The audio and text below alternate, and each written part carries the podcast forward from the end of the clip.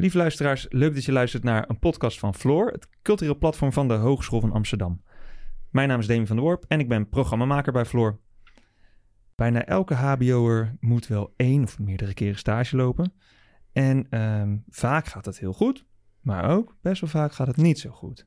Er zijn eh, ja, soms echt wel horrorverhalen over studenten die alleen maar koffie moeten halen. Of, nou, je kent de bekende verhalen wel. Uh, maar daartegenover, ja, zoals ik al zei, dus ook de goede verhalen. Mensen die in topstage lopen, daar gelijk een baan aangeboden krijgen. Uh, het droomscenario, zo gezegd. Vandaag gaan we naar twee van dit soort verhalen luisteren. Twee studenten, één met een hele positieve ervaring en één met een iets mindere ervaring. En vervolgens gaan we die bespreken. Uh, en dat doen we met Liz Wientjes. Welkom. Dankjewel, welkom. Ja. Uh, wil jij jezelf eens even voorstellen? Wat, uh, wat, wat doe jij hier op de HVA? ja, wat doe ik? um, mijn naam is Liz Wientjes. Ik ben docent voor de opleiding communicatie. Ik ben verantwoordelijk voor, um, zoals we dat noemen, de beroepsvoorbereidende stage. Um, dat is de grote stage van 20 weken. In onze opleiding lopen studenten twee keer stage. Um, ik ben verbonden dus aan de communicatieopleiding. Daar geef ik ook allerlei andere vakken. Media maatschappij, introductie in communicatie, conceptontwikkeling, conceptuitwerking. Dus de examencommissie van allerlei uh, markten thuis binnen onze opleiding. Ja, en heb je dan ook nog een specifieke rol als het op uh, stages aankomt? Ja, uh, als in ik ben de, de coördinator van die stages. Dus um, ik stuur alle studenten uh, aan dat ze, nou, stage komt eraan, dit zijn de eisen, dus ik zet ook die eisen uit. Ik stem met ze af als ze vragen of twijfels hebben. Um, en de docenten, die stuur ik ook aan, want we hebben, ja, dat zal per opleiding een beetje verschillen hoe dat ingericht is. Maar onze docenten, die begeleiden een student vanaf tweede tot het vierde jaar. Dus dan moeten ze twee keer stage lopen. En de docenten zijn dan de coach. En daar moet echt de goedkeuring van de stage plaatsvinden. Dus ik coördineer ook de docenten uh, op de achtergrond dat zij de stage, stage goedkeuringsformulieren um, makkelijk door kunnen werken om een stage goed te keuren. En als ze twijfel hebben, dan komen ze bij mij om dat te overleggen. Um, ja, dus dat is mijn rol hierin eigenlijk, om iedereen te faciliteren in het stagetraject. Dat, hoeveel studenten en docenten hebben we dan? Is dat, uh, even van mijn beeld, is dat een grote groep? Ben je er echt dagelijks mee bezig? Nou, het zijn twee plaatjes. Het wie-performance plaatje. de het officiële uren. Oh, ja, ja, ja. Vanuit uh, een onderwijsinstelling. Ja. Uh, nee, even um, zonder, zonder gekte. Ik, over het algemeen ben ik elke dag toch wel bezig met stages. Uh, al is het al het feit dat een student mailt dat hij um, eerder wil beginnen met stage. Of dat kan. Dat een bedrijf mailt, goh, wij willen in contact komen met studenten. Wanneer kan dat? Waar kunnen we onze vacature plaatsen? Met docenten dat ze een twijfel hebben. Dus elke dag heb ik wel uh, ja, een paar mails. Het hele, dag door, hele, hele jaar door eigenlijk. Ja, ja. Mijn taak is wel uh, enerzijds inhoudelijk natuurlijk met de eisen vastleggen en communiceren. Ja, als je dat eenmaal hebt staan, dan pas je dat uh, met enige regelmaat aan op basis van wat er speelt in de markt of wat er ja, aan nieuwe informatie komt. Nu met corona is het natuurlijk een hot topic, want ja, stage lopen verschoven van kantoor naar soms wel 100% thuis. Ja. Dus um, ja. dat is op zich de beleidslijnen voor onze stage natuurlijk uh, bespreekbaar maken. Um, ja, dus ik ben daar toch wel vijf tot acht uur per week standaard mee bezig. Ja, ja. precies. En begeleid je zelf ook nog studenten? Ja, ja, ik ben inderdaad ook nog weer coach van een aantal studenten. En vorige week nog op stagebezoek geweest okay. bij een van mijn studenten bij uh, het Regio College. Ja. Ja. Kijk, dus we kunnen wel zeggen dat je echt kniediep in de stages zit eigenlijk. Ja, ja precies. Ja, nou, absoluut. Ja. Fijn om met jou dan hier over, uh, over dit onderwerp te kunnen praten. Ja, leuk. Um, we gaan eerst luisteren naar twee gesprekken die ik heb gevoerd Mhm. mm -hmm. met uh, twee verschillende studenten. Ja. Twee dames in dit geval. Ja. Um, en daarna gaan we daar gewoon op reflecteren. Nou, ben benieuwd. Oké. Okay. Ik ben Dina Ghazali. Ik ben geboren en getogen in uh, Amersfoort. Ik woon sinds uh, zeven jaar in uh, Hartje, Amsterdam. Ik was hier destijds naartoe verhuisd voor mijn studie. Alleen uh, door omstandigheden was ik toch gestopt met de studie. Vervolgens uh, ben ik gestart met uh, vier jaar geleden al inmiddels, volgens mij 2017, met marketing communicatie, tenminste communicatie. En ja, ik ben nu inmiddels aan het uh, afstuderen. En ik zeg voor mezelf, wie had dat ooit gedacht? Waarom zeg je dat? Um, Nee, studeren was voor mij altijd wel een beetje lastig geweest. Als ik heel eerlijk ben. Ik kom zelf uh, van uh, niveau 1, MBO. Dus uh, ik heb een hele een trap moeten bewandelen, zeg maar. Ja, en als je dan toch eindelijk gaat afstuderen en toch een HBO-diploma weet te behalen, ja, dat is toch bijzonder. Ja, nou, mag je best trots op zijn, toch? Ja, zeker. Ja, goed zo. ja. Je hebt stage gelopen? Ik heb al stage gelopen, ja zeker. Kan je daar eens wat over Ehm, vertellen? Ik heb stage gelopen vorig jaar 2020. Startte in februari. Ehm, in eerste instantie eh, moest ik eigenlijk al eerder stage lopen, in september 2019. Door omstandigheden, eh, door ziekte eigenlijk, eh, operatie, kon ik dus niet gelijk starten met stage. Dus je had een half jaar vertraging. Dus ik had een half jaar Ja. vertraging, ja zeker. En ehm, in december moest ik dus, of eerder in november, moest ik dus op zoek gaan naar een stageplek. Alleen, ehm, stage was voor mij altijd wel een, een, een eh, best wel een angstig eh, onderwerp, als ik heel eerlijk moet zijn. Omdat ik natuurlijk heel veel studenten ken en ehm, ik heb heel veel mensen in mijn omgeving. En eh, op internet lees je ook vaak van die enge stageverhalen. Dus ik was best wel bang eigenlijk om stage te lopen. Maar wat voor verhalen las, las je dan of hoorde je dan? Wat voor Ja, dat, eh, dat, eh, dat de stagebegeleiders op hun stage bijvoorbeeld totaal niet eh coulant naar de stage, stagiaires waren. Of dat, er, dat ze zeer domme klusjes kregen en dat ze gewoon slecht werden behandeld. ja, jij vreesde een beetje dat als jij stage ging lopen, dat je ook... Ja, Slecht zeker. Ja, worden. precies. Daar was ik dus echt heel erg bang voor. Oké. En mijn klasgenoot vertelde toen dat hij zelf als stage, dat hij stage liep ergens. Hij liep stage bij een museum en ehm, hij zei dat hij het erg naar zijn zin had. Hij vroeg toen aan mij, "San, zou je hier ook stage willen lopen? Ik zeg, ja prima. Kijk, als jij het naar je zin hebt, dan eh, is dat dan gelijk goed nieuws. Dan hoef ik niet bang te zijn. Ja. En eh, ik ben toen eh, daar op sollicitatiegesprek geweest in december 2019. En ehm, ik had een gesprek met twee vrouwen. Zij werden ook mijn stagebegeleidsters, beide.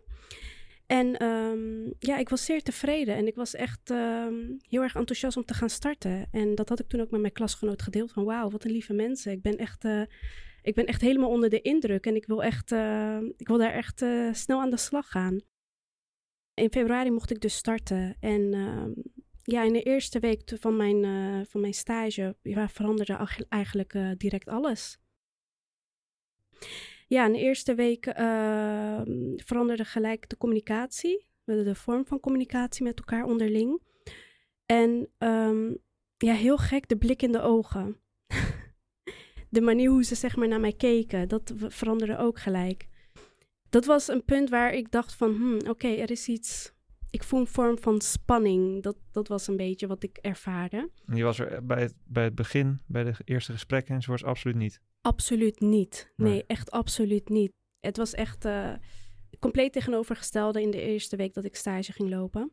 En ehm, vervolgens werd het eigenlijk naarmate van tijd alleen maar erger. Want ik, ik neem aan dat je van tevoren heb je, eh, je hebt een stagehandleiding, denk ik. Dus je, je gaat met Ja. een bepaald idee ook naar zo'n stagebedrijf Ja. toe. Van ik, eh, ik wil en ik moet ook dit leren. Bepaalde competenties waar ik aan moet voldoen vanuit de opleiding. Ehm, heb je die van tevoren kunnen aangeven bij het bedrijf? Van ik moet dit in ieder geval afvinken. Ja. En daar waren ze toen allemaal akkoord mee. Ja, zeker. Ehm, en toen je uiteindelijk begon, werd dat toen, toen een probleem? Of, of wat, wat, wat veranderde er eigenlijk? Eh, wat veranderde? Of wat ging er Ehm, mis toen je eigenlijk begon met stage lopen? eh, in de eerste week eh vertelden ze tijdens de vergaderingen van luister, je kan altijd dingen vragen aan ons. En eh, als je iets niet begrijpt, vraag het honderd keer, vraag het 200 keer. Dat vinden we echt niet erg. Nou, je weet hoe dat gaat. En ehm, er werden allerlei beloftes gemaakt en dingen gezegd die vervolgens niet na werden gekomen. Dus vervolgens, als ik een opdracht kreeg en ik begreep het bijvoorbeeld niet, ja, dan ga ik het natuurlijk vragen. Dat is gewoon heel normaal. En ehm, wat, daar, wat, wat, wat er gebeurde was dat ik het dan vroeg aan mijn collega, aan mijn stagebegeleidster dan. En dat ik dan de volgende dag of, de, of twee dagen erna kreeg ik eh, gewoon werkoverleg. ehm, eh, dat ze het niet begreep waarom ik eh, die vraag stelde aan haar en waarom ik gewoon zelf geen waarom ik zelf niet moeite deed om, om het op te zoeken. Ja, Ik heb gewoon moeite gedaan. Ik heb gewoon dingen opgezocht. Maar als ik er niet uitkom, dan vraag ik het natuurlijk. Nee, je vraagt het niet voor niks. Precies. En zij hebben aangegeven dat je het vaak mocht vragen. Exact. En Ja. dat is dus waar het dus constant misging. En eh, dat was dus continu het Hmm. geval. Oké, dus jij had eigenlijk een beetje het idee van je bent er misschien makkelijk inge... eh ze waren he- heel aardig in het begin, dus je had er zin in. Maar eenmaal toen je er zat, moest je eigenlijk gewoon maar taakjes doen die zij voor jou bedachten. Ja, Of wat is dat ja, het? En kwam je toen wel toe aan de taken die je moest doen vanuit school? Ja, ehm, nou, ik moest dus een takenlijst van hun eh, eh, voltooien. Eh, dat deed ik dan ook. En af en toe zaten er gewoon taken bij wat hoorde bij mijn competenties. Dus dat was op zich ehm, geen probleem, dat was wel goed. Alleen, ehm, ik deed die taken wel, maar die dingen werden niet gebruikt, zeg maar. Of ik kreeg er geen feedback op. En elke keer als ik dan weer een opdracht van hun kreeg, en ik vroeg dan weer van als ik iets dan niet begreep of ik kon iets niet vinden, werd er op een zeer passief-agressieve manier gereageerd.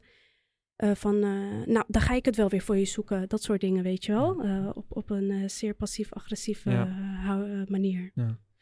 En even voor mijn tijdsbesef of tijdsbeeld. Dit, je bent begonnen in 2020 dan met je stage? Februari, ja. Februari. Ja. En ik denk dat toen een maand daarna brak natuurlijk eh, de coronapandemie eh, uit. Ja, ja in, Had eerste instantie, in eerste instantie dacht ik natuurlijk van... Ik was natuurlijk een beetje kwijt hoe het allemaal was gegaan in die periode. Maar het begon allemaal al voor de corona. Dus eh, toen de corona kwam, werd het eigenlijk nog erger. En ehm, Want omdat je had gewoon minder contact met ze. Of waarom werd het erger? Ehm, waarom werd het erger? Het leek alsof ze mij niet vertrouwden. Het leek alsof ze het heel erg vonden dat ik eh, thuis stage mocht lopen en niet, op, en niet op kantoor. En ik moet heel eerlijk zijn, in het begin eh, ehm, eh, was ik eigenlijk best wel blij dat ik weer dat ik thuis stage mocht lopen, want ik voelde me totaal niet meer op mijn, op mijn plek daar. Ik voelde me totaal niet op mijn gemak. Ik, ja, ik was het eigenlijk binnen een maand al helemaal zat. Heb je dit aan kunnen geven bij het bedrijf? Dat je je eigenlijk niet pre- prettig bij de stage voelde? Ehm, nou ja, Durfde je dat, Dat heb ik, of kon dat? Eh, nou, nadat ze zeg maar zeiden van dat ik te veel vroeg en veel te eerlijk was en eh, al die andere dingen wat ze allemaal zeiden tegen mij, ehm, durfde ik op een gegeven moment niks meer te vragen. Heel eerlijk. Eh, ik was bang dat mijn stage eh, ehm, op de klippen zou lopen. Dus ik had heel veel angst, omdat ik natuurlijk ook een half jaar vertraging had. ja, en jij wil gewoon je stage halen. Ik wil gewoon mijn stage halen. En ik wilde niet midden in de coronapandemie eh, stoppen met stage en op zoek gaan naar iets anders, want dat kan nee, niet. dat is, eh, dat is een hele moeilijke situatie geweest, denk ik. ja. Precies. Heb je het wel heb je het op school kunnen aangeven? Ja, zeker. Op een gegeven moment, ehm, eind maart, werd het voor mij wel te veel. Dus ik heb echt een dagboek bijgehouden, als ik heel eerlijk ben. Eind En, maart, eh, dus dan zat je er twee maanden. Twee maanden, ja. en, je, eh, en je moest tot en met juni? Of- Juni. ja, oké. Ja, ja. Ja. Het werd mij op een gegeven moment te veel, omdat ik eh, out of the blue een evaluatiegesprek kreeg na een maand. Of na twee maanden was het. Ja, na twee maanden kreeg ik out of the blue een evaluatiegesprek. Het zou gewoon een werkoverleg zijn, maar het werd opeens een evaluatiegesprek. En dat gesprek was op basis van werkzaamheden die ik de afgelopen twee weken had verricht. Of de afgelopen week had verricht. Wat ik gewoon zeer oneerlijk vond. En het was ook op een weer, op een zeer passief-agressieve manier. Heel eh, vijandig werden dingen gezegd en heel vijandig werd er met mij gesproken. En eh, dat was voor mij eigenlijk wel een keerpunt waardoor ik zeg maar alles ging opschrijven. En eh, het, eh, ik heb het toen opgestuurd naar mijn docent, naar mijn stagecoördinator van school. En, en wat zei die coördinator? Ehm, hij was best wel geschrokken, denk ik. Want ik denk ook dat hij het niet had verwacht. En ehm, hij had direct contact met ze opgenomen en eh, gezegd hoe ik mij eh, zeg maar daarbij voelde. En eh, Oké, en, en hoe reageerde je stagebedrijf toen? Zat je daar trouwens tussen? Dus dat was het een soort gesprek met z'n drieën? Nee, Dus- ik zat er niet tussen. Nee, Ah, nee, nee. Dat werd echt een, apart van mij gevoerd. Ehm, zij hadden toen aangegeven van... ehm, ja, ze kwamen toen... Dat was nog... Oh ja, dat was ook nog bijzonder. Ze kwamen toen met allerlei zaken... wat helemaal niet waar was. Dus er werden gewoon eigenlijk ook leugens verteld. En ehm, op een gegeven moment zei ik tegen mijn stagecoördinator van... luister, ze, ze, ze zijn echt letterlijk nu dingen aan het verzinnen, aan het liegen. En ehm, op een gegeven moment voelde zij, mijn stagebegeleider van, van het museum, voelde zij best wel uh, uh, de druk, denk ik. Waardoor zij, zeg maar, alle punten wat heel negatief was aan mij, heeft ze allemaal opgeschreven. En heeft ze gezegd dat ik daaraan moest werken tot en met een bepaalde tijd. En dat we daarna alles weer zouden bespreken. Oké, nou prima. Ik heb het gewoon geaccepteerd. Mijn stagecoördinator zei toen ook van, kijk het gewoon aan. Ga gewoon verder met je stage. Mocht het echt niet meer lukken, neem dan gewoon, of als er weer iets is, neem dan gewoon weer contact op, weet je wel. Nou, prima, dat heb ik toen ook gedaan. En op een gegeven moment, toen zei ze ook tegen mij na die evaluatiegesprek, uh, die out of the blue was, van over drie weken gaan we weer een gesprek voeren. Drie weken waren verstreken en ik heb nooit wat van ze gehoord. En um, ik heb toen contact opgenomen met mijn stagecoördinator. Uh, ik zei van ja, we zouden een evaluatiegesprek houden, maar ze hebben me nog nooit uh, gecontacteerd hierover. En we zouden alle punten weer bespreken of ik vooruit ben gegaan. En um, ze hebben me gewoon er ook weer nooit over gesproken. En dat gesprek is ook niet ingepland? Het gesprek is nooit ingepland. Oh, dat kwam nee, gewoon helemaal niet? Dat kwam gewoon helemaal niet. En, nee. en, en heb je je begeleiders, je stagebegeleiders daarmee geconfronteerd van we zouden een gesprek hebben? Of ja, vond je dat ook weer moeilijk dan? Ja, op een gegeven moment heb ik dus tegen mijn uh, stagecoördinator gezegd van ja, gesprek is niet, ge is niet gebeurd. Maar wij hebben dus op school, hebben wij natuurlijk zelf van die uh, evaluatiegespreksmomenten, feedbackmomenten. Dus ik, mo- ik liet het gewoon voor wat het was. Ja, zij heeft gewoon geen contact met mij opgenomen daarover. Dus ja, ik liet het maar. Ja, ik durfde eigenlijk ook niks te zeggen, want ik was gewoon bang eigenlijk voor de kritiek. Ja. En de vijandigheid die weer zou plaatsvinden. Ja, begrijpelijk. Ja, dus op een gegeven moment heb ik dat gewoon gelaten voor wat het was. En toen het weer misging in onze communicatie, werd er weer een evaluatiegesprek uh, ingegooid. En uh, toen heb ik uh, mijn stagecoördinator gebeld. Ik was heel emotioneel. Ik heb toen gezegd van, ik weet niet hoe, ik hoe, we, hoe we nu verder gaan, maar uh, dit kan echt niet meer. En ik heb hem toen alle screenshots gestuurd van de gesprekken. En hij heeft toen contact opgenomen met, uh, met het bedrijf. En um, het bedrijf, uh, toen zijn ze onderling gaan bespreken van dat ik beter inderdaad kon stoppen. En ik mocht toen in de tweede week van mei, mocht ik mijn stage beëindigen daar. En, maar dat had geen consequenties. Ja. Dus je hebt je wel je stage gehaald, maar je ik was eerder stage, klaar. Ja, ik heb mijn stage ja. gehaald en ik was eerder klaar. Ja, ja dat is wel heel fijn in ieder geval, dat je niet nog een extra vertraging hebt opgelopen. Ja, ja. Met, met de wetenschap van nu, hè, nu je, je, je kan er een beetje op terugkijken nu. ja. Ja, misschien een moeilijke vraag, maar wat had je anders gedaan of wat had je anders, ehm, wat had je willen weten van tevoren? Waar was, je, waar, waar was jij mee geholpen, denk je? Waar was ik mee geholpen? Goede vraag. Mm. Nou, ik ben zelf niet 100% Nederlands. Ik, uh, ik heb een migratieachtergrond. En ik denk dat het voor um, personen zoals ik, zeg maar met een migratieachtergrond, dat het misschien fijn is als school ook bedrijven heeft wat ook een beetje wat meer bij ons past. Het klinkt misschien een beetje gek. Bedrijven in hun database of zo, die, Precies. dat ze jou kunnen koppelen. Ja, precies, waaraan ze mij kunnen koppelen. Want ik merkte gewoon dat ik daar totaal niet bij paste bij dat bedrijf. Weet je, ik was ook de enige daar met een, uh, met een, ja, met donker haar. Laten we gewoon heel eerlijk zijn. Ik was de enige daar met een, met een kleurtje en uh, met donker haar. Dus het was gewoon, ja, het was gewoon heel anders. En ik denk dat als school een database bijvoorbeeld heeft met bedrijven wat wel heel kleurrijk is. En waar ik mij bijvoorbeeld zeker weten wel thuis zou voelen. Want ja, je identificeert je toch met de mensen die daar rondlopen. En je voelt je dan toch vaak sneller op je plek. In eerste instantie um, koos ik ook voor het museum, omdat er stond in hun vacature van... Uh, we zijn op zoek naar uh, mensen met een migratieachtergrond, want we willen graag een... een uh, dat stond een, in de vacature? Dat stond in de vacature. Wij willen graag een weerspiegeling of een weer, ja, weerspiegeling zijn van de, van de Nederlandse maatschappij.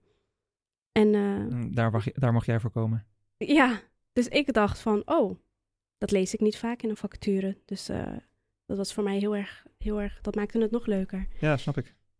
En in de eerste week toen ik daar stage kwam lopen, was dat natuurlijk niet het geval. Het was gewoon helemaal wit. En de enige die daar ook een kleurtje had, was een andere stagiair van de afdeling geschiedenis. En ik was de enige ook met een kleur. En uh, ja. mijn vorige klasgenoot, ook een stagiair, die had ook een kleur. Ja. Hey, uh, wat voor tips zou jij meegeven aan mensen die nog stage moeten gaan lopen? Ik denk dat best wel veel mensen uh, ook een bepaalde angst hebben om stage te lopen. Um, ik denk dat ze het beste met, met, met school erover kunnen praten. Van, hey, eh, ik weet niet bij wat voor soort bedrijf ik het beste pas, want ik wist het ook niet. En ik zou zeggen, mocht je ergens stage gaan lopen en je merkt dat er iets niet goed zit en je merkt van, oké, er is een bepaalde vorm van spanning of ze komen hun afspraken niet na, uh, schrijf alles op. Want ik heb op een gegeven moment een dagboek bijgehouden. Alles heb ik bijgehouden om, uh, ja, om mezelf eigenlijk wel in te dekken voor het geval dat. Want ik was gewoon hartstikke bang om, om weer vertraging op te lopen. En ik zou tegen studenten zeggen van, uh, doe dat en neem zo snel mogelijk altijd contact op met je stage, stagecoördinator. Meld alles, maar ook echt alles. De domste dingen.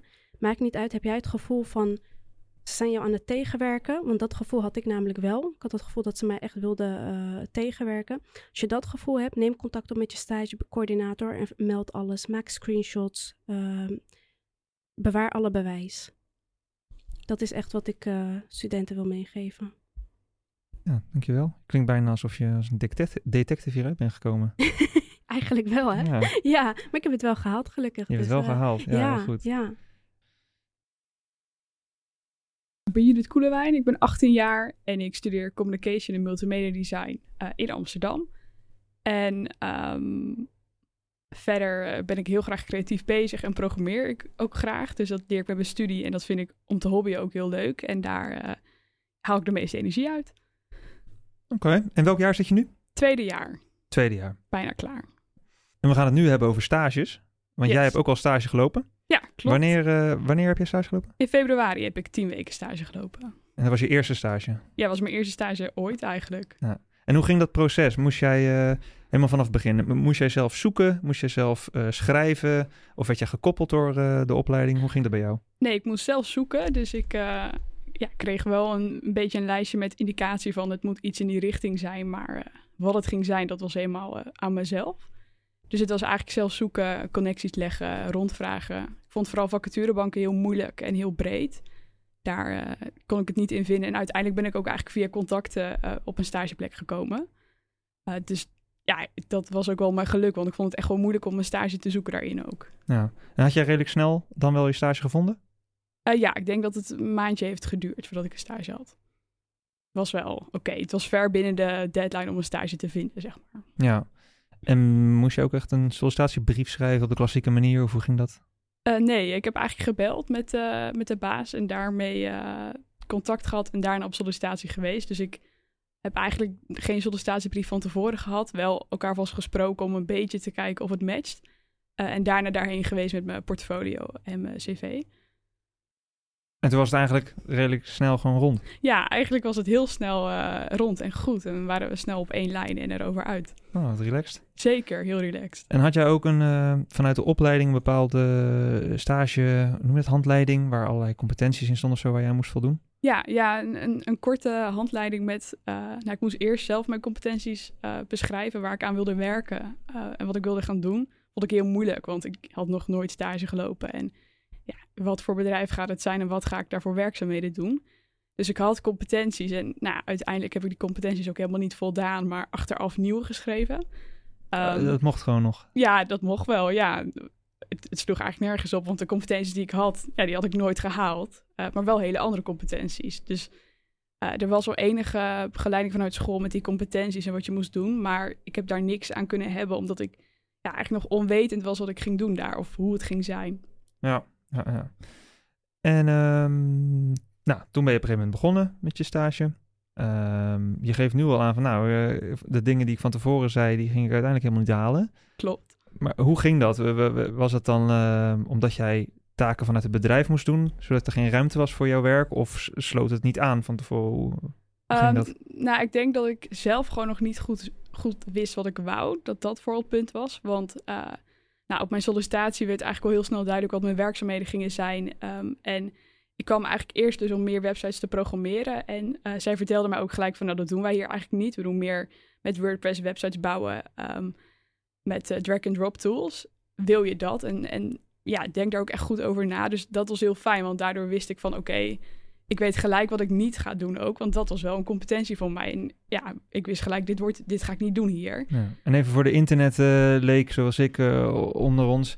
eh, wat je nu net omschreef, dat is echt een andere manier van eh, Ja. werken. Wat je Ja, dus uh, ik, ik ben vanuit de studie gewend om echt zelf dus code te programmeren om een website te bouwen. Ehm, en veel bedrijven werken dus met eigenlijk een kant-en-klare tool waarmee je dus elementen sleept op een pagina en daarmee het zelf bouwt. Dus zonder te programmeren, visueel kan eigenlijk iedereen een website daarmee bouwen. Dus het is eigenlijk een stuk makkelijker. Het je is een stuk makkelijker. Oh, ja. Ja, en dan was het voor jou 100%. misschien de vraag of je dan wel genoeg kon leren. ja, zeker. Oké. Dus dat was eh, eigenlijk wel de vraag, maar ook dus wel heel goed dat ik dat wist. Maar ja, mijn competenties had ik daar wel opgeschreven. Ehm, dus ik dacht, nou, ik zie het wel hoe dat gaat lopen. En achteraf eh, met mijn stagebegeleider over gehad van, nou ja, goh, ik heb dit gezegd, heb ik eigenlijk helemaal niet gedaan. Ehm, en ik weet ook dat ik na mijn eerste vijf weken een gesprek had. En toen zei ik ook, ja, eigenlijk is het heel anders dan ik, dan ik dacht. Eh, in En, wat zei je, en, wat, en wat zei je erover? Eh, nou, zij zei, nou, dat was ook een leerpunt en ook heel leerzaam. Dus ja, ze was er heel relaxed over. Maar toen ben ik ze wel gaan herschrijven. En uiteindelijk mijn eindverslag moest heel anders worden met wat ik eigenlijk van tevoren dacht dat ik ja, misschien wel wou leren. Terwijl ik uiteindelijk dus in mijn ogen hele leuke dingen heb geleerd en een fijne plek heb gehad. Maar ja, van tevoren ben je eigenlijk totaal niet voorbereid met wat het gaat worden. Dat was wel echt eh, een valkuil, denk ik. En vond je dat spannend? Ja, enorm. Ja, ik wist echt niet wat me te wachten stond. Ja. En achteraf denk ik, had, had er had iets geholpen? Als je van tevoren dit had geweten of had je dan iets anders gedaan? Eh, nee, ja, dat denk ik niet. Ik denk misschien dat vanuit de opleiding iets meer handvatten van hoe andere studenten stage hebben ervaren misschien wel heel erg hielp. Dus nu was het natuurlijk vanuit de opleiding een mooi kant-en-klaar pdfje met hé, hey, dit gaat het zijn en eh, volg het maar. En dat klonk heel goed en heel haalbaar, maar dat was gewoon, ja, als je het zelf gaat doen is het toch heel anders. Eh, dus ik denk dat dat wel heel erg had geholpen. Dat ik weet van, oh ja, zij hebben het zo ervaren, dat ging uiteindelijk anders. Een beetje misschien wel bewust zijn dat het niet precies volgens het boekje gaat. En dat dat eigenlijk heel erg oké is en heel erg ja. eh, de echte wereld is. Een soort geruststelling. Ja, misschien wel, want het is prima als je dingen aanpast of als je erachter komt dat het iets andere weg is dan je dacht. Dat, eh, dat miste ik heel erg. Ja.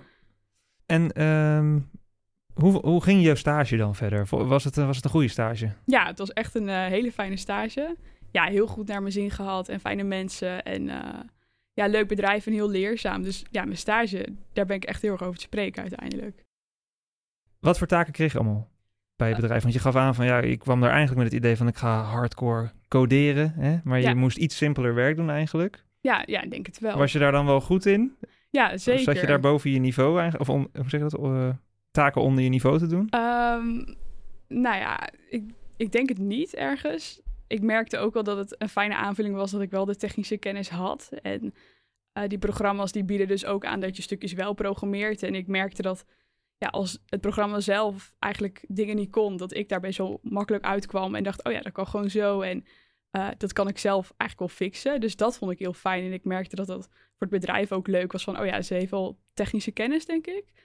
Ehm, maar uiteindelijk was ik daarna een paar weken ook wel op uitgekeken. Maar goed, dat heb ik uiteindelijk ook aangegeven eh, en andere taken gekregen. Oké, dus je hebt wel zelf, je bent wel voor jezelf opgekomen en gezegd, ik vind wat ik nu doe een beetje saai? Of? Eh, nou ja, na vijf weken had ik met mijn stagebegeleider uit het bedrijf even gesprek hoe het ging en even kijken hoe het was. En eh, nou ja, toen zei ik, ik vond het heel leerzaam, maar voor mijn volgende vijf weken, ik had tien weken stage, zou ik nog wel eigenlijk iets meer uitdaging willen, denk ik. Eh, die heb ik zeker gekregen met een heel groot project. Ehm, maar dat was wel nodig, denk ik. Ik denk dat ik, als ik tien weken hetzelfde had gedaan, dat het wel misschien onder mijn niveau werd. Of dat ik dacht, nou, makkelijk mijn stage afronden, eh, that's it. Maar ik vond het wel leuk om uiteindelijk toch echt iets heel anders te kunnen doen. En een eh, wat uitdagender project te kunnen gaan, eh, gaan maken. Ja, goeie. En uiteindelijk heb je dan na tien weken die stage afgerond? Dat ging helemaal goed. Je hebt je gewoon je rapport netjes gehaald. Of hoe Ja. zeg je dat? Je verslag wat je erover Ja, moest schrijven. zeker. Ik had een heel goed eindgesprek en ik ben er ook blijven werken als bijbaantje. Dus dat is heel tof. En ook wel een blijk van waardering. Ja. Ehm, en heel leuk, dus de projecten waar ik aan werk, daar eh, kon ik ook gewoon leuk mee verder gaan. Eh, ja, Na je dus- stage. ja, na mijn Ja. stage, daar ben ik nu gewoon mee- bezig. Dus dat Nu is nog? echt, eh, ja, zeker. Dus dat is echt wel heel leuk. Het is eigenlijk wel een soort van het droomscenario, toch? Ja, dat je ergens zeker. gewoon vanaf een stage al binnen kan. nu moet je natuurlijk nog twee jaar. Maar het is wel voor nu het droomscenario dat je een stage loopt en lekker kan blijven hangen en leuke taken kan doen die bij je passen. Ja, En eh, van de andere bijbaantjes af bent eigenlijk. ja dat eh, kan ik helemaal voorstellen. Ja. Met de kennis van nu, hè, nu je terug, ja, je werkt er nu nog wel, maar je kijkt in ieder geval terug op je stage. Ja. Had je dingen anders gedaan? Ehm, nou ja, ik denk het ergens niet. Ik ben uiteindelijk heel blij dat ik dus wel heb gezegd van... oh ja, ik wil andere taken of ik eh, moet misschien iets meer richting mijn vakgebied gaan. Dat dat wel heel belangrijk was en dat ik blij ben dat ik dat dus wel heb gedaan... en niet achteraf nu zei, nou, het was prima, Eh, dat is het. Dus daar ben ik heel blij mee. En verder denk ik dat eh, ik misschien van tevoren dus al meer bewust had kunnen zijn... bij elke taak van, hey, hoe past dit bij me... Eh, hoe verder draagt dit bij aan mijn studie? Nu was het voor mij op de helft dat ik dacht, ja, als ik nu een stageverslag moet gaan maken, dan moet ik knap iets gaan verzinnen om er iets moois van te maken. Want het is nog niet helemaal wat ik van tevoren had bedacht. Dus dat misschien bij binnenkomst bij de eerste dag echt helder hebben van, hey, dit wil ik gaan doen en bereiken. Eh, en daarmee dus ook de taken die je doet en de verantwoordelijkheid die je krijgt, daarmee constant daar ook aan denken van, hey, past dit hierbij? Ehm, ja, want je bent daar echt om te leren voor je studie. En dat is ook heel belangrijk. En niet alleen om uh, de klusjes uit te voeren waar zij iets aan hebben. Het is uh, wederkerig, denk ik. Ja, maar er moet natuurlijk ook wel de ruimte voor zijn. Dus je Ja, had wel 100%. heel erg geluk bij het bedrijf. Ja, zeker. Ja, er was echt heel erg de, de ruimte voor en de, de vrijheid voor. En ik uh, voelde ook de vrijheid om dat te kunnen zeggen en zo. Dat was een goede sfeer. Dat is ook heel belangrijk natuurlijk. Ja. Dus ja, doe je dat niet, dan denk je, laat maar. gaan we niet doen. Ja, snap ik. Ja.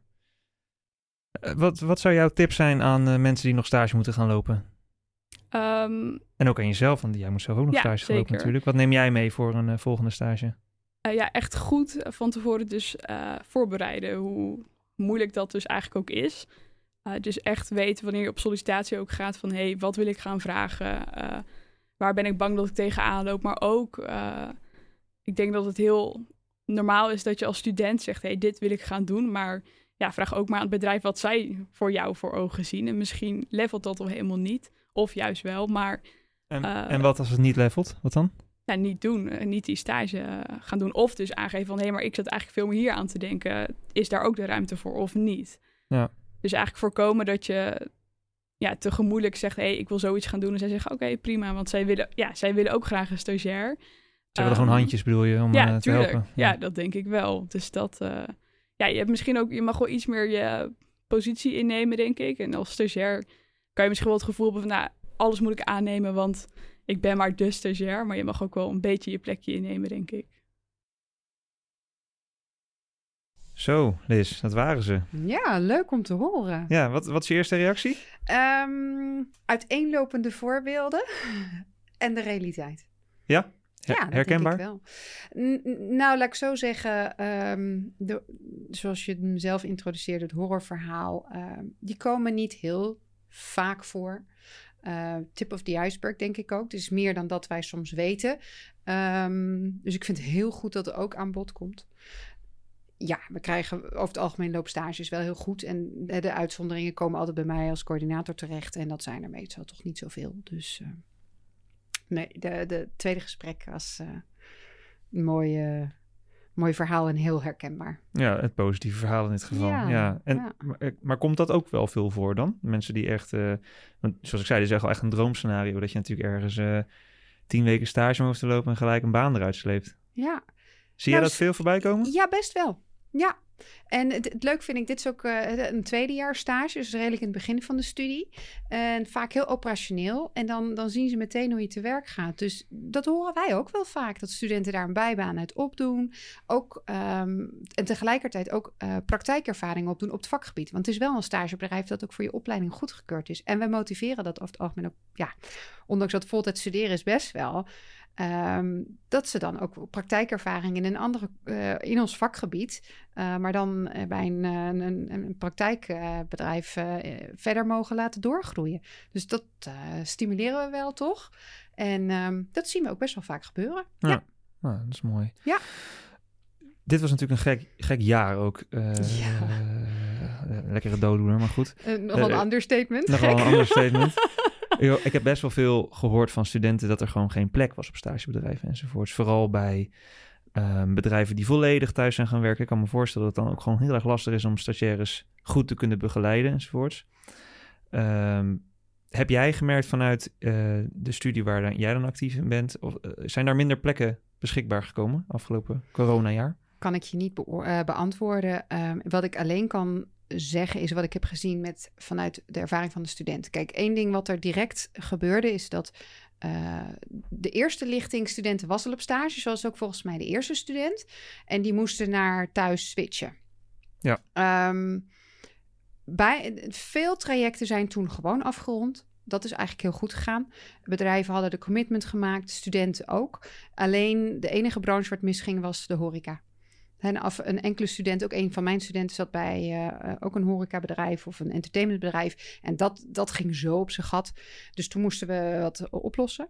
Ehm, vervolgens hadden we een lichting studenten ehm, die in coronatijd, vol in coronatijd, moesten gaan solliciteren. Wat we zagen is dat ze toen allemaal, want je hebt bij ons de keus minor stage. Heel veel studenten zijn meer hebben gekozen om minor te doen. Die hebben al geanticipeerd. Van toch hadden wij in coronatijd dat ehm, de studenten die op stage wilden, ook bijna allemaal stage hebben gevonden. Maar wat we hoorden is dat ze meer brieven moesten uitsturen. Ehm, dus dat er iets meer sollicitaties uit moesten. En de keuze voor hen, voor hun gevoel. Maar ja, dat kunnen ze niet vergelijken. Want je gaat maar in principe, hè, in dit geval één keer op grote stage. Want dat is anders dan korte, kleine stage. Ehm, dus ja, ik denk wel dat dat eh, veranderde. En sommige studenten hadden ook eisen. Die wilden dat ze per se ook op een bedrijf nog konden werken. Ja, niet elk bedrijf kon dat bieden. En dat maakte ook de selectie weer klein. Dus het, was absoluut een struggle, lastiger. Maar zeker niet onmogelijk. De bedrijven die daar ja, de meerwaarde van zagen, waren heel erg welwillend om te faciliteren, thuiswerken eh, te stimuleren, eh, hele goede begeleiding te geven, ook op afstand. En wat je ziet, ik geloof dat het ook een onwijs leerzaam jaar is geweest daarvoor. Ja, dat, dat, eh, ook dat is een understatement, denk ik. Ja, Ja, zeer zeker. Ja. Hey, nu eh, hebben we twee, ehm, studenten, twee verhalen van studenten gehoord die redelijk in de, in de communicatie-media-achtige hoek zitten, zo gezegd. Ja, en ik ook. Eh, nee, jij bent ook docent daarin. Ja. Ik heb zelf ooit ook communicatie gestudeerd. Ja. Ehm, dus voor ons is het allemaal gewoon dat je zelf moet zoeken naar een stage. Dat je zelf Absoluut. moet reageren. ja, dat je best wel veel. Ja, dus, precies. Dat is al een competentie van een leerdoel, inderdaad. Ja. Ehm, dus het is echt inherent, soort van aan de studie, aan de hoek misschien waar we dan in studeren of hebben gestudeerd. Ja. Ehm, dat je zelf soort, soort van goed leert presenteren, zo gezegd. Ja. Ehm, dus ik, ik ben benieuwd van, er zijn best wel veel dingen die wij misschien al voor lief nemen. Voor, Mhm. Wij leren echt onszelf presenteren misschien en hoe Ja. je moet... Ja, we zijn Eh, natuurlijk heel bewust in ja, hoe je op ander overkomt en hoe je in dat proces van sollicitatie bijvoorbeeld Ja. een indruk kan maken. Dat denk ik wel. Maar, Ja. en, en, en waar ik eigenlijk naartoe probeer te gaan nu, Mhm. zijn er dingen die in deze gesprekken opvielen, waarvan je van denkt van, oh ja, dit is echt zo'n zo'n communicatiedingetje. Dit ging heel erg goed hier, of dit ging nou hier erg mis. Oeh, typisch communicatie. Ik, ik hoor veel vragen, want ik zit Ja. direct te vergelijken met een traject als waar iemand wordt ehm, gekoppeld. Ehm, de, de- het eerste wat in me opkomt terwijl wij met elkaar praten is de eerste indruk. En wij zijn als communicatiespecialisten natuurlijk heel erg bewust ook wel van het feit dat je bij die eerste indruk ehm, een hoop kunt sturen of, of bewust eh, kunt aanzetten. En die eerste indruk is even goed of je nou moet solliciteren of niet. Natuurlijk het moment dat je bij dat bedrijf binnenstapt... of het moment dat jouw sollicitatiebrief eruit gaat. Waarin je goed kunt nadenken over wat je met die eerste indruk wil achterlaten... en hoe je dat zou kunnen doen. En het belang daarvan. Ehm, en dat kan zijn door ja, goed na te denken over wat voor informatie moeten zij van mij weten, zodat ze ook weten met wie ze te maken hebben.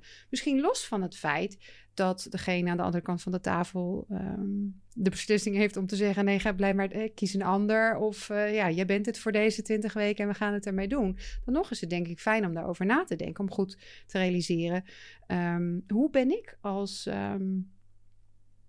Stagiair op het vakgebied. Ik wilde zeggen communicatiespecialist, maar dat kan natuurlijk voor elke studie zijn. Ehm, wat is mijn persoonlijkheid? Welke eh, voorkeuren heb ik om te werken? Hoe vertaalt dat zich tot de werkzaamheden? Wat voor een ervaring heb ik überhaupt opgedaan? Wat misschien ook leuk is voor de collega's daarvan je te weten.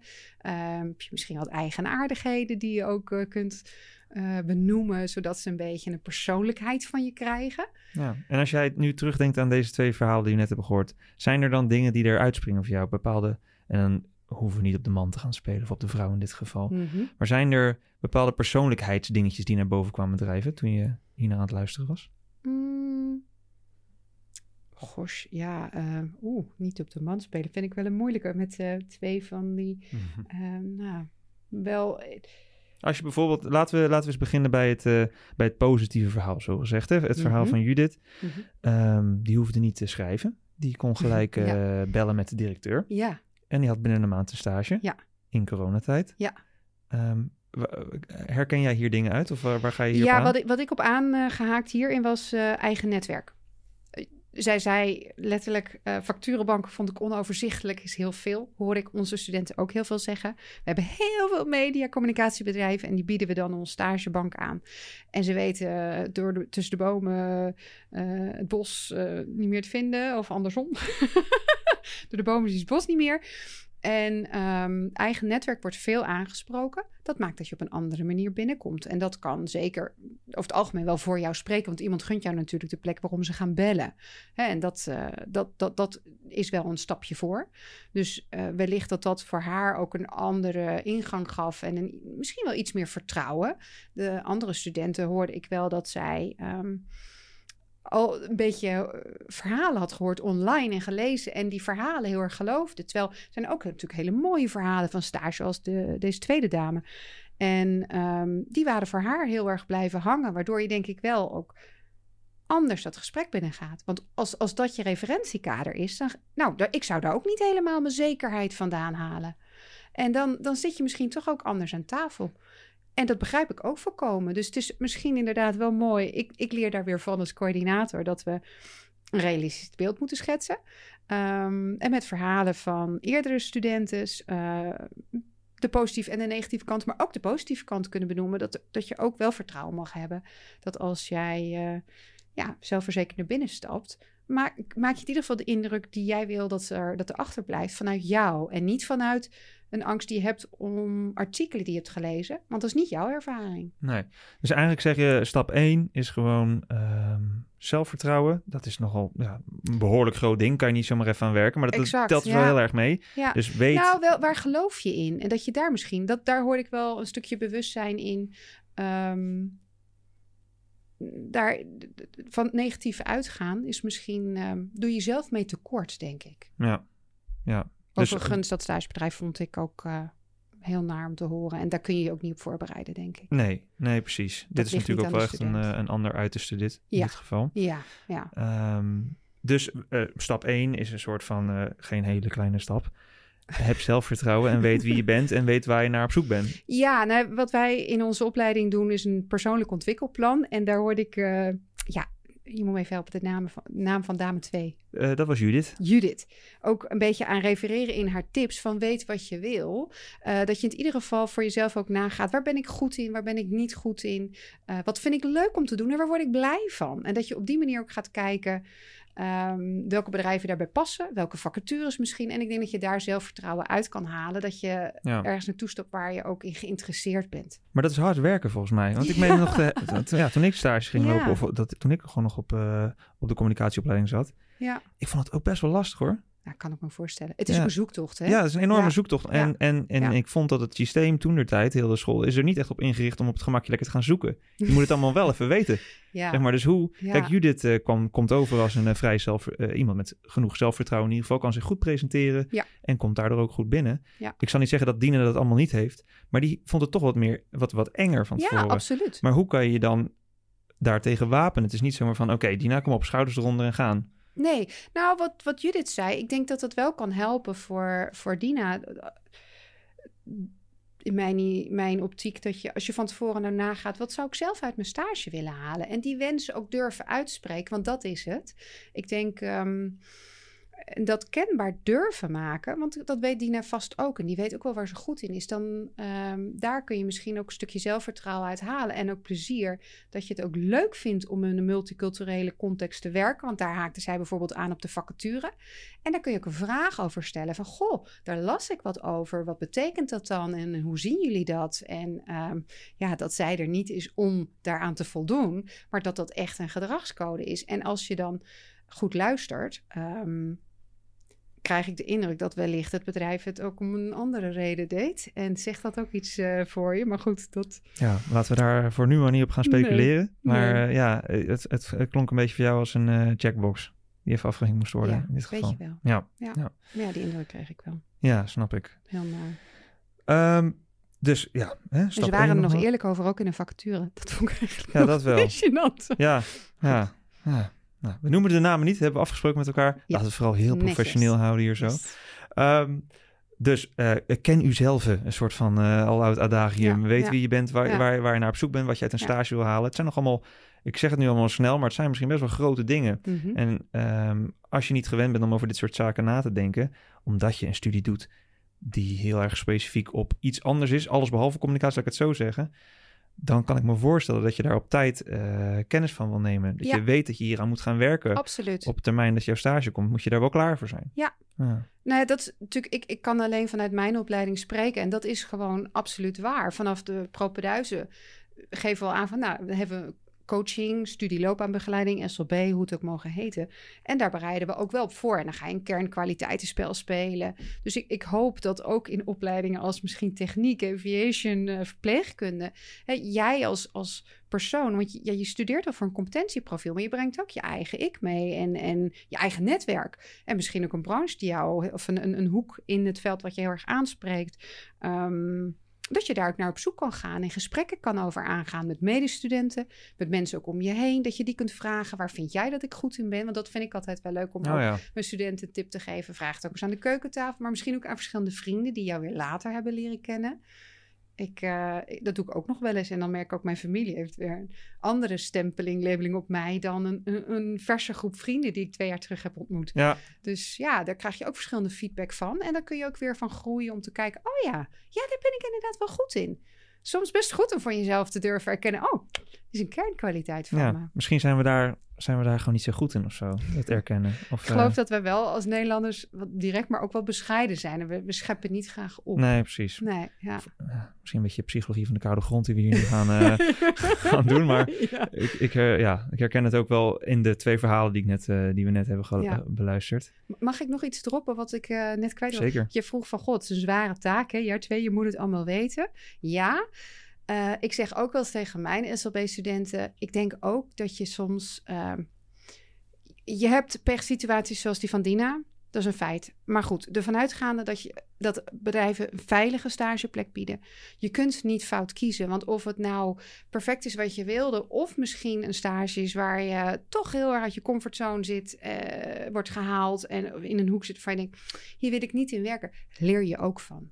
Ja. Dus eh, we moeten hem ook niet te groot maken. Dus in een negatieve ervaring is ook gewoon uiteindelijk een hele goede ervaring. Absoluut. Ja. En, en leren per, defi- is- per definitie is natuurlijk een beetje pijnlijk. Het moet, het moet schuren om te groeien. Ja. Eh, dat gebeurt denk ik in elke stage. Ehm, soms blijven studenten ook te veel in hun comfortzone. Dat merk ik ook wel eens. Ga ik op stagebezoek en dan voelt het als een familie. Oh, zo fijn en oh, zo leuk. En ik denk ja, maar Wordt er wat geleerd? ja, Ja, wordt ja. het onderste uit de kan gehaald. Ja. En ja, weet je, het ene past ook meer bij de ene student dan bij de andere student. De ene die wil zich constant uitdagen en die vraagt ook om feedback en kiest een hele complexe, kritische eh, organisatie. Maar bedrijfscultuur bijvoorbeeld is denk ik wel een hele belangrijke om eh, van jezelf eh, over na te denken. Waar voel je je prettig bij? Als je echt iemand bent die eh, heel goed gedijt bij informele con- contacten en je gaat naar een heel formeel bedrijf, ja, dan plaats je jezelf heel erg buiten je comfortzone. En als je dan zelfvertrouwen wil tonen en eh, volop eh, proactief daar te werk wil gaan, ja, dan zal dat anders voelen. Dus je kunt ook dat opbouwen en voor jezelf ehm dus over nagaan van, nou, bij welke bedrijven zou ik me thuis kunnen voelen en waarom? En eh, ja, hoe, hoe, hoe zit ik zelf ook in elkaar? Op basis van bijbaantjes, eh, ja, een stukje persoonlijkheid. Ja, ja dus eigenlijk gewoon... eh, ik maak een beetje uit je woorden op van eigenlijk kan je niet echt fout kiezen. Soort van, ja, je moet van tevoren weten wat je kiest en als je dat dan maar bewust doet. Ja, dat denk Van- ik wel. Absoluut. Ja, Ja, en dan kan het tegenvallen, maar ja dan heb je ieder ook een leerroute. Ja, ja oké. Zolang je wel natuurlijk aan de competenties voldoet, Ja. die had je wel laten droppen. Maar die, die vink je in principe aan het begin wel af. Ja, oké. ja. Dus dat, Ja. ja. En als we dan een stapje maken naar echt, hè, we, we zijn nu een beetje in de voorbereidingen van eh, weet wie je bent, waar je aan wil werken enzovoorts. Op een gegeven moment eh, kom je ergens binnen bij een bedrijf. Ja. Ga je werken. Ehm, even teruggrijpend op deze twee gesprekken. Hoorde je bepaalde dingen over het daadwerkelijk stage lopen die jou opvielen? Gingen er bepaalde dingen in de communicatie ehm, goed of, of slecht? Nou, het voortraject, ehm Dina was heel tijdig begonnen. Dat vond ik wel een hele goede, had ik opgeschreven. Tijdig beginnen. Je stage begint niet op de dag dat je binnenloopt, maar het begint al bij het nadenken over jezelf. Eigenlijk begin van je studie.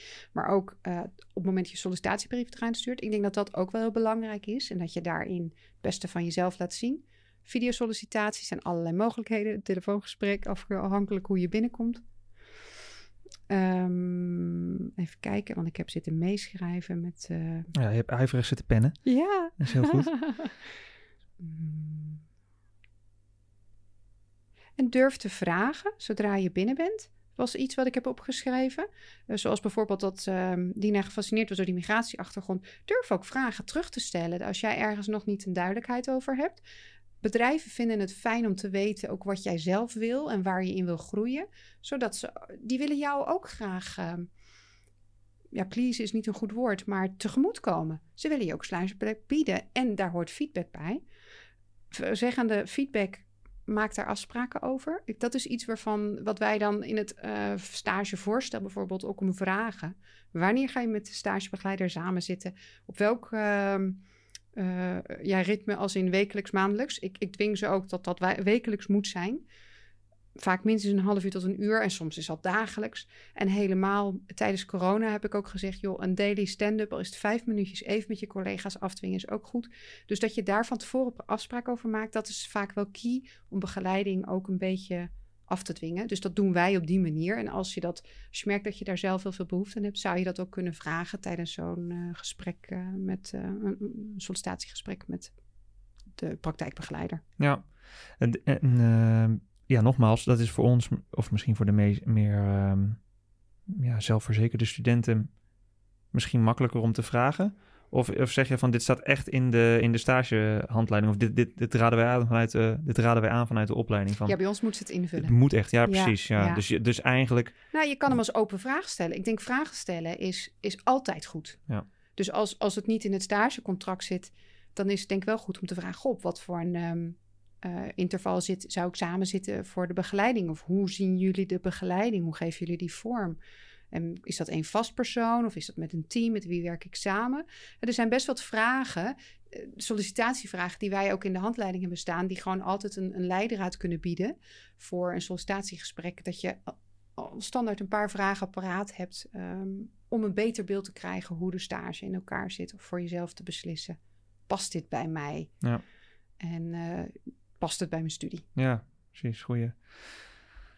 En als we nu eens een uh, studie nemen, die, uh, of een studie waarbij je wordt gekoppeld. Ja. Um, Interessant. Ken je dit trouwens, dit fenomeen? Weet je ik heb er wel van gehoord, ja. ja. zeker. En volgens mij bij techniek ook. Of dan kun je je inschrijven bij bepaalde plekken.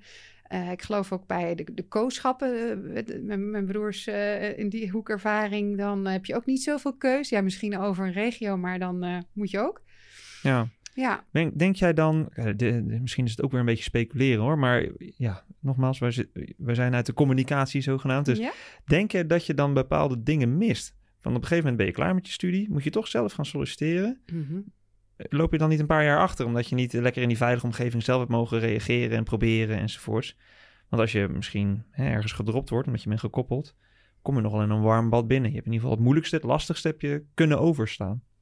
Nou ja, Dina geeft aan, je weet eigenlijk nooit waar je terecht komt en dan denk je dat je ergens terecht komt. Dus um, ja, dat, is ook zo. dat is nooit een garantie. Je kunt zelf niet kiezen, daar zit denk ik wel een valkuil aan. Dus je moet het er maar mee doen. Dus je, dan heb je eigenlijk niet de luxe dat je kunt nadenken over wat zou ik hier uit willen halen bij deze organisatie.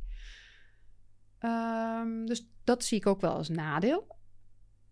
Ik denk wel dat solliciteren heel goed is. Want ja, ik weet niet of student misschien als ondernemer aan de slag gaat. En, en, of zelfstandige. Dat, dat is bij uh, onze opleiding ook nog wel het geval. Als communicatieadviseur of creative, marketeer, wat dan ook.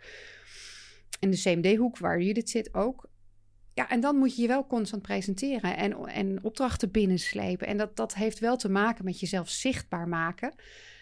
En je daar dus ook zeker in voelen, of in ieder geval durven durven, daar begint het bij. En dan ga je vanzelf uh, oefening baart kunst. Ik vind het ook nog steeds wel eens spannend uh, als ik uh, weer een nieuwe groep studenten heb en die staan daar met z'n 150. Ja, heb ik ook nog even soms de zenuwen, ja. tien minuutjes. En dat, Heel dat menselijk, dat mag. Ja. Dus um, ik vind het is wel een hele mooie vorm van jezelf leren presenteren en jezelf in kaart brengen. Het is, ja, het is je zelfreflectie die je nodig hebt. Um, en een gesprek durven aangaan en jezelf ook, you're putting yourself out there. Ja, ja. Heb je nog bepaalde andere dingen opgeschreven tijdens deze gesprekken? Dingen die jou echt opvielen, die nu nog niet aan bod zijn gekomen? Ja, wat ik opschreef um, was uh, de proactieve houding waar Judith het over had. En een vijf weken evaluatie. Ik denk dat het altijd heel mooi is. Als, bij ons zit die ook erin gebouwd. Maar dat je ook in die feedbackmomenten tussentijd soms eventjes zegt van... Goh, even pauze, uh, knop er, even stop erop. Laten we eens even kijken hoe het gaat. En wat zij dan heel mooi deed was... Um, ze had dat ook zelf op een gegeven moment in kaart gebracht... Maar je kunt ook vragen om feedback van, goh, waar vinden jullie dat ik goed in ben en waar vinden jullie nog dat ik in kan groeien? En bij ons zit dat ook met een evaluatieformulier erin, altijd op het midden van de stage, want dan kun je ook eraan werken.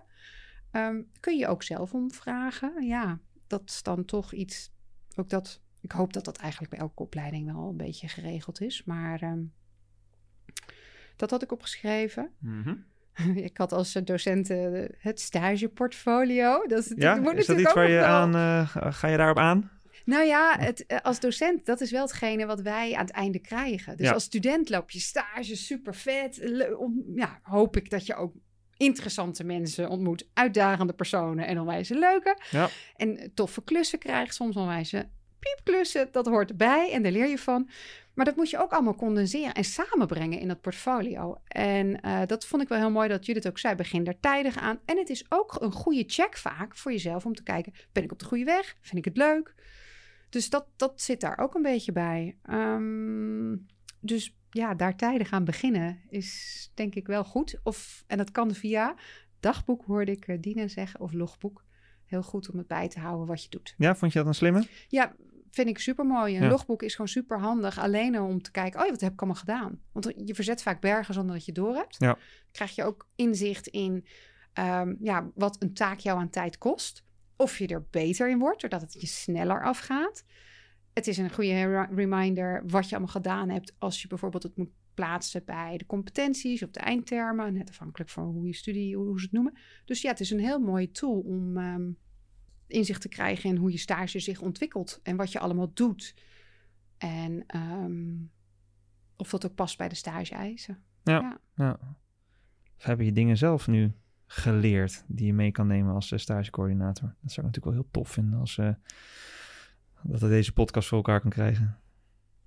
Ja, nou, wat ik wel heb gedaan is verhalen van andere stagiairs. Uh, daar maakte ik al wel gebruik van. Maar ik denk wel dat het heel inspirerend werkt om ook echt andere stagiairs te horen. Want wat, wat, wat jij zei net, hè, iemand als Dina en iemand die daar even wat meer uh, hobbels ziet, vind ik wel heel realistisch. En daar moeten we ook rekening mee houden. En um, ik vind het fijn dat iedereen eh, zin heeft in die stage. En als dat helpt door ook uh, ja, verhalen te kunnen delen. Dus ik zie daar wel een uitdaging in dat ik toch een aantal studenten van mij die stage hebben gelopen kan interviewen. Uh, maar dan iets gerichter voor mijn studenten zie ik daar een voordeel van.